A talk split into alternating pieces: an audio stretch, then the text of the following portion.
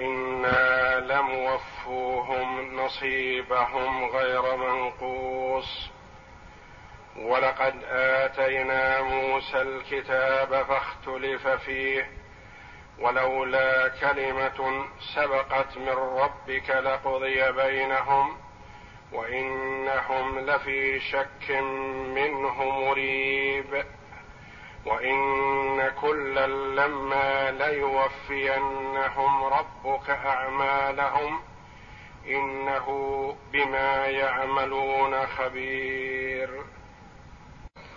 الآيات التاسعة بعد المئة من سورة هود مع العاشرة والحادية عشرة. لما قص الله جل وعلا على عبده ورسوله محمد صلى الله عليه وسلم أخبار الأنبياء السابقين مع أممهم.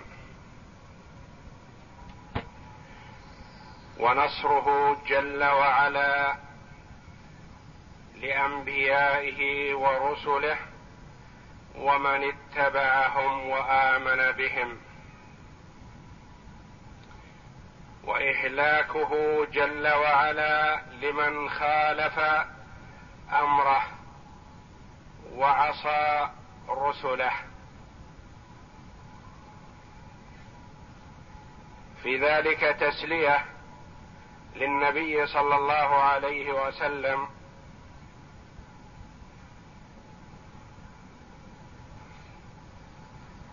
ومن المعلوم ما ثبت في السنة لما سئل صلى الله عليه وسلم عن سبب تعجل الشيب له.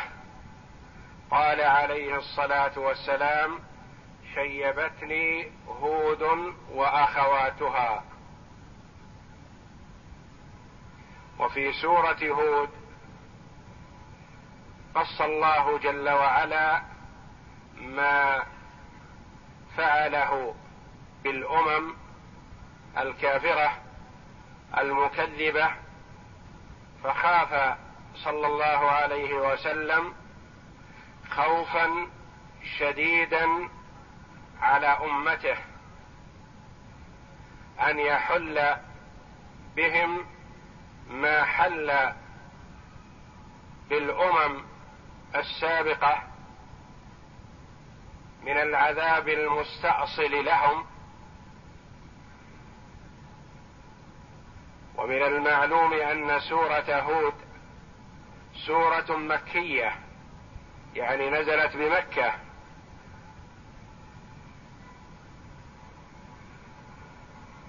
فهي سورة عظيمة بين الله جل وعلا فيها نصره لأوليائه وإهلاكه لمن خالف أمره. ثم بين جل وعلا بعد الآيات التي ذكر فيها أحوال الأمم بين أن الناس في الدار الآخرة ينقسمون إلى قسمين لا ثالث لهما. فريق شقي مآله النار وفريق سعيد مآله إلى الجنة. وهذه هي الشقاوة الأبدية والسعادة الأبدية. فمن دخل النار شقي شقاوة لا يسعد بعدها أبدا. من الكافرين بالله المخالفين لأمره. ومن دخل الجنة سعد سعادة لا يشقى بعدها أبدا.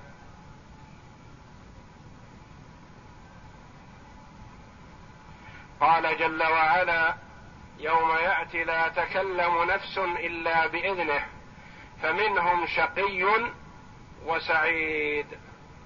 فأما الذين شقوا ففي النار لهم فيها زفير وشهيق خالدين فيها ما دامت السماوات والأرض إلا ما شاء ربك إن ربك فعال لما يريد.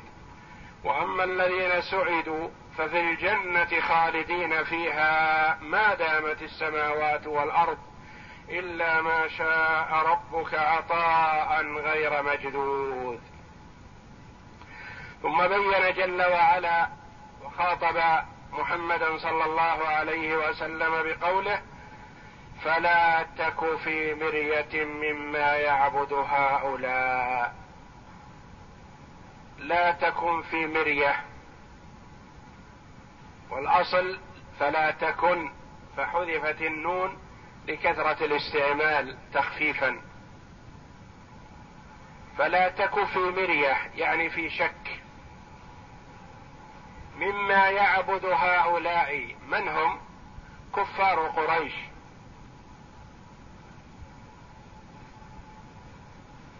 فعبادتهم ليست مبنية على دليل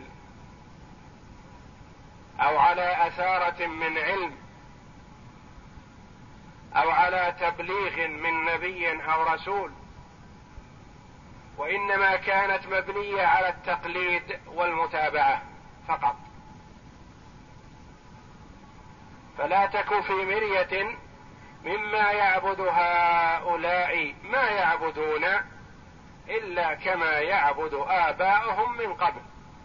فهم مقلدون لآبائهم تقليد أعمى.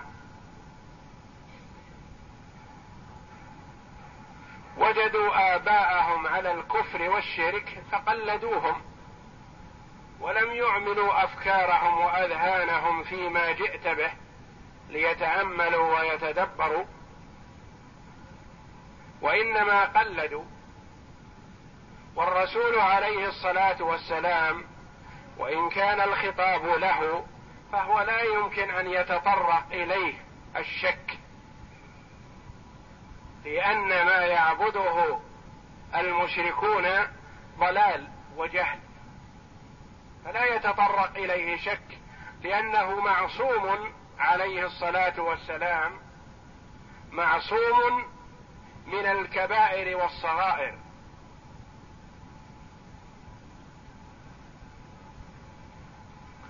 واستحسان عبادة الكفار لآلهتهم هذا كفر بالله.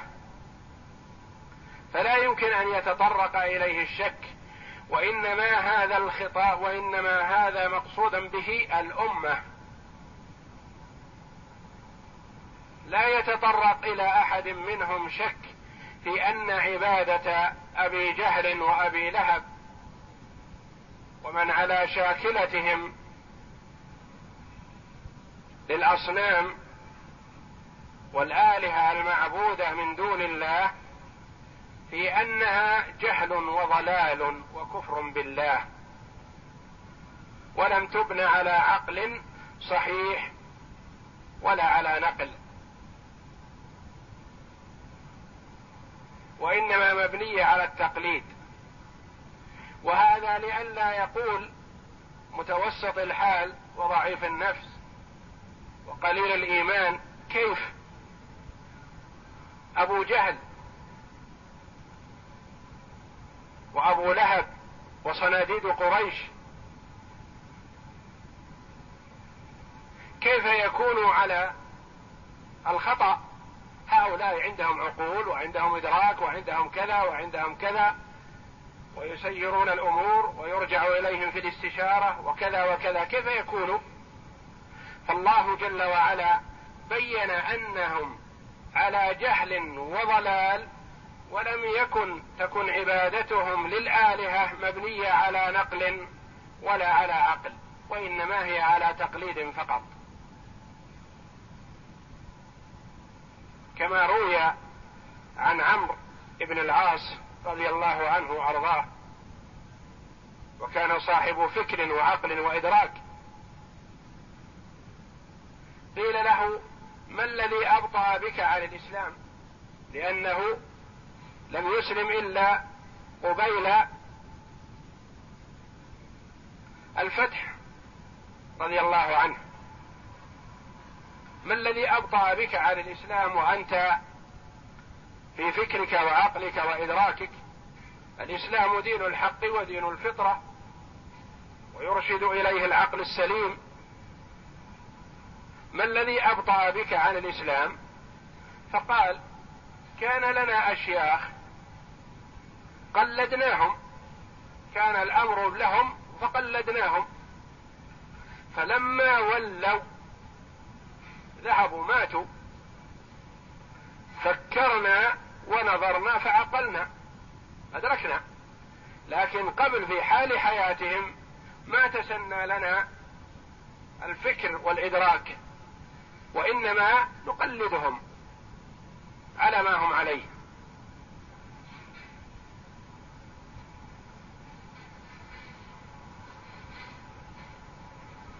فأكثر ما يضر الإنسان التقليد الأعمى المبني على المتابعة العمياء لما يقوله من يثق به المرء أو يقلده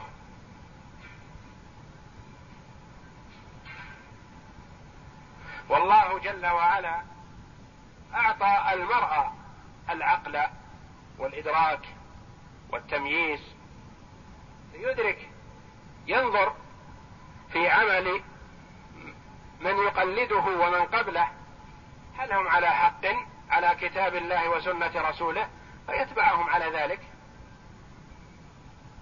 أم هم على خلاف الكتاب والسنة؟ فيتركهم جانبا ويتبع كتاب الله وسنة رسوله. محمد صلى الله عليه وسلم.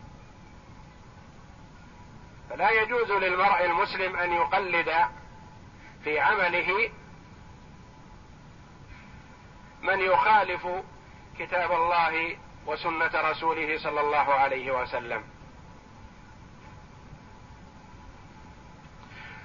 فالله جل وعلا يرشد عباده على أن عبادة الكفار لآلهتهم جهل وضلال مبني على تقليد أعمى. ما يعبدون إلا كما يعبد آباؤهم من قبل. يعني قلدوا آباءهم وآباؤهم على الكفر والشرك. إلا كما يعبد آباؤهم من قبل وإنا لم وفوهم نصيبهم غير منقوص. لم وفوهم نصيبهم لم اعطوهم ومجا وسيجازون على أعمالهم. سيجازون عليها ويعاقبون على أعمالهم الكافرة الفاجرة. وقيل المراد بأعمالهم هنا أعمالهم من خير وشر. لأن الكافر قد يصدر منه العمل الخيري. الكافر قد يحسن إلى عباد الله. قد ينفع. فهل يذهب عمله هذا الخيري الذي أسداه لعباد الله. الله جل وعلا لا يضيع عنده عمل عامل. مهما قل فهل إذا أحسن الكافر إلى عبد من عباد الله أو نفع. أي نفع. هل يضيع عند الله؟ لا. الله جل وعلا لا يضيع عنده عمل عامل. لكن عندنا فرق بين المؤمن والكافر. المؤمن إذا عمل الصالحات أثيب عليها في الدنيا و والآخرة. المؤمن يعمل الأعمال الصالحة يثيبه الله جل وعلا عليها خيرا في الدنيا ويثيبه عليها الجنة في الدار الآخرة. فما يضيع عمله؟ وقد يدخر عمله كله له في الآخرة لحكمة يريدها الله جل وعلا. وأما الكافر فإذا عمل العمل الخيري هل ينفعه في الدار الآخرة؟ لا.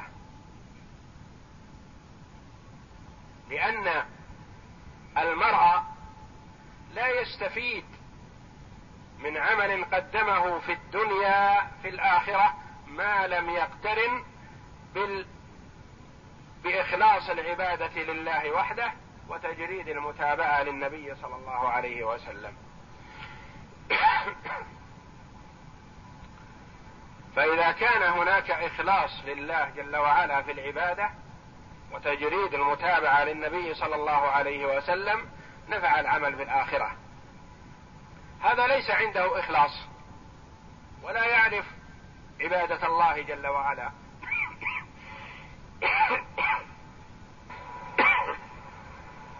وإنما هذا الكافر له أعمال في الدنيا حسنة يقدمها للناس. يعطي يشفع له مجهود يقدمه للناس. لا يضيع عند الله يثيبه الله عليه في الدنيا. لأن الكفار منهم من هو شرير مؤذ للناس ومنهم من هو هادي الطبع لا يؤذي. مسالم لكنه كافر بالله. يصدر منه العمل النافع. هذا لا يضيع عمله عند الله جل وعلا. يثيبه عليه في الدنيا. ولعل هذا هو المعنى المقصود بقوله جل وعلا وإنا لموفوهم نصيبهم غير منقوص. من كان له عمل صالح في الدنيا وهو غير مسلم فالله جل وعلا يثيبه عليه في الدنيا بالصحة والمال والولد وما يعطيه الله جل وعلا من نعم الدنيا مقابل أعماله الصالحة التي يقدمها الحسنة التي ينتفع بها الغير. وإن لم تكن صالحة لله جل وعلا لأنها خالية من الاعتراف بوحدانية الله جل وعلا. وإنا لموفوهم معطوهم نصيبهم غير منقوص. ثم بين جل وعلا لمحمد صلى الله عليه وسلم ولأمته ولمن آمن به بأن الخلاف إعراض الكفار عن اتباع النبي صلى الله عليه وسلم ليس هذا خاصا به وإنما هذه سنة الله في خلقه منهم المؤمن ومنهم الكافر. قال جل وعلا ولقد آتينا موسى الكتاب فاختلف فيه. المراد بالكتاب التوراة. وموسى كليم الله. كلمه الله جل وعلا. وهو من أولي العزم من الرسل من أفاضل الرسل. صلوات الله وسلامه عليهم أجمعين. والتوراة كتاب تكلم الله جل وعلا به كما تكلم بالقرآن فهو وحي من الله. أنزله الله جل وعلا على موسى بن عمران عليه وعلى نبينا وعلى جميع الأنبياء صلوات الله وسلامه. فالتوراة كتاب أنزله الله جل وعلا على موسى عليه الصلاة والسلام. تكلم الله به كما تكلم بالقرآن. لكن الله جل وعلا لم يتكفل بحفظه. فامتدت إليه أيدي اليهود وحرفوا وبدلوا وزادوا ونقصوا فحرفوه.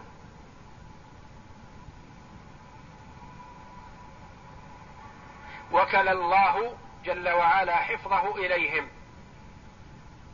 فخان الكثير منهم. وأما القرآن فقد تكفل الله جل وعلا بحفظه. فقال جل وعلا إنا نحن نزلنا الذكر وإنا له لحافظون. لا يمكن أن تمتد إليه يد ظالم أو فاجر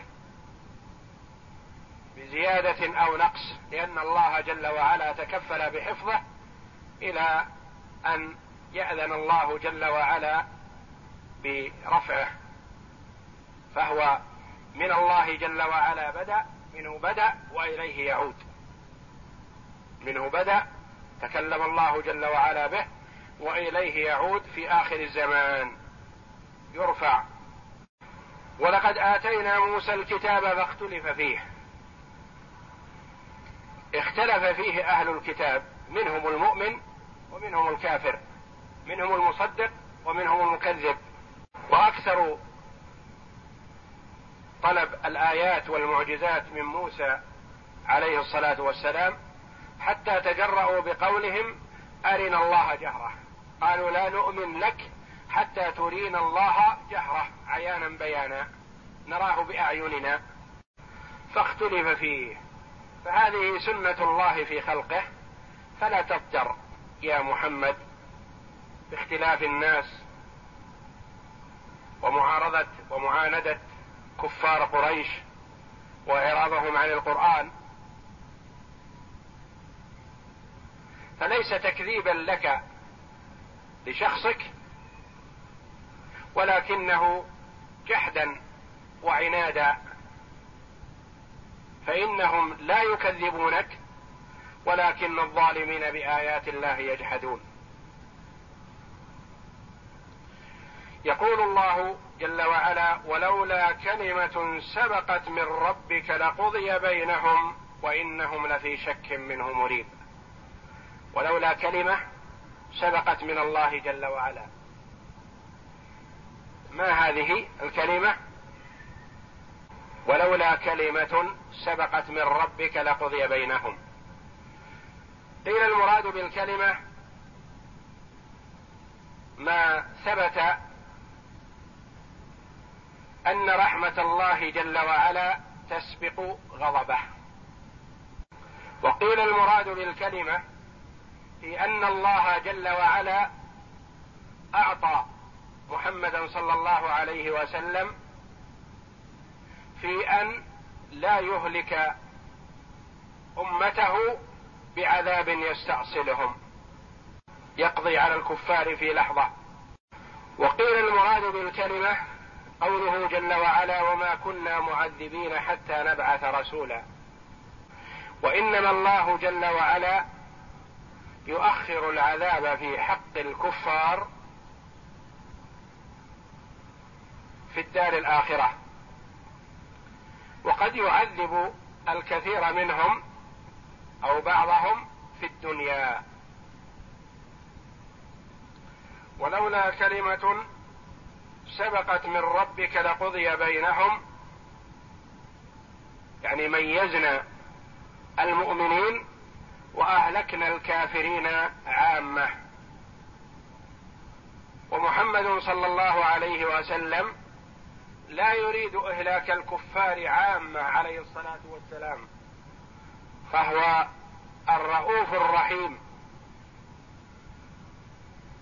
وحينما أرسل الله إليه ملك الجبال لما عاندوه وآذوه. أرسل الله جل وعلا ملك الجبال إلى محمد صلى الله عليه وسلم ومعه جبريل. فجاء ملك الجبال وسلم على النبي صلى الله عليه وسلم وقال له إن شئت طبقت عليهم الأخشبين. جبلي مكة هذا وهذا. فقال بل أستأني بهم. لعل الله أن يخرج من أصلابهم من يعبد الله لا يشرك به شيئا. عليه الصلاة والسلام. ولولا كلمة سبقت من ربك لقضي بينهم وإنهم لفي شك منه مريب. يعني إن الكفار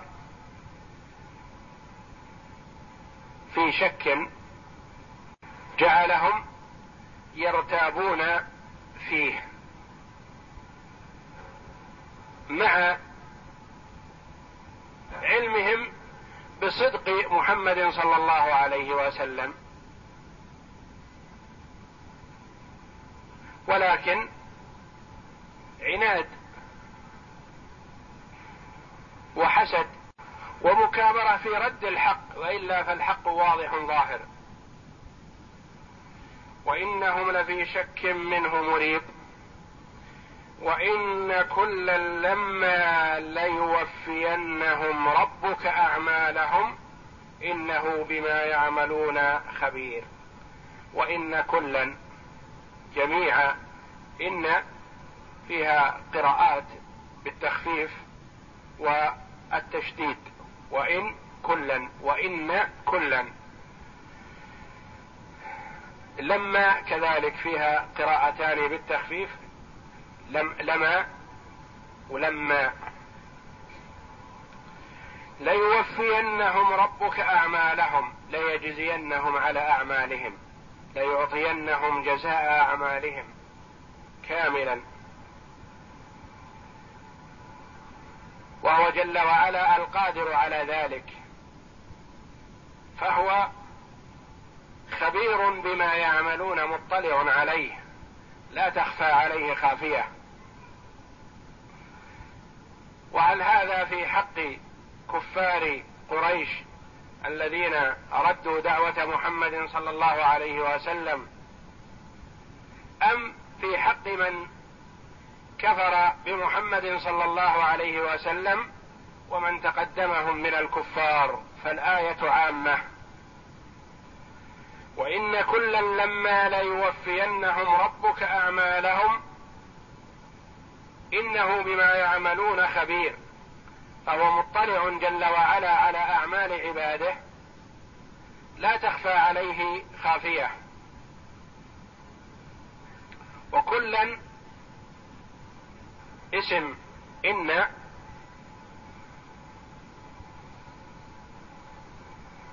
سواء كانت خفيفة أو ثقيلة إن أو إن. المخففة. والتنوين في كلا وإن كلا بدل من المضاف إليه. وإن كل الخلق أو كل الناس أو كل مخلوق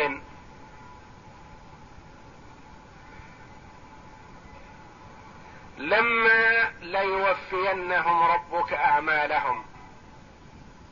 لما قيل ما هذه بمعنى من؟ وقيل إن لما بمعنى إلا إن كل نفس لما عليها حافظ. لما عليها حافظ بمعنى إن كل نفس إلا عليها حافظ. فهنا وإن كلا إلا وإن كل لما ولم ولما ليوفينهم ربك أعمالهم إنه بما يعملون خبير فهي كالتعليل لما قبلها لأنه سيجازي كل إنسان بعمله إن خيرا فخير وإن شر فشر والخير وإن قل فلا يخفى على الله جل وعلا. والشر وإن قل فلا يخفى على الله جل وعلا. إنه بما يعملون خبير. تعليل لما سبق في أنه مطلع جل وعلا على جميع أحوال عباده. لا تخفى عليه خافية. يعلم جل وعلا ما في قلوبهم وما في نفوسهم. يعلم خائنة الأعين وما تخفي الصدور. والله أعلم. وصلى الله وسلم وبارك على عبد ورسول نبينا محمد. وعلى آله وصحبه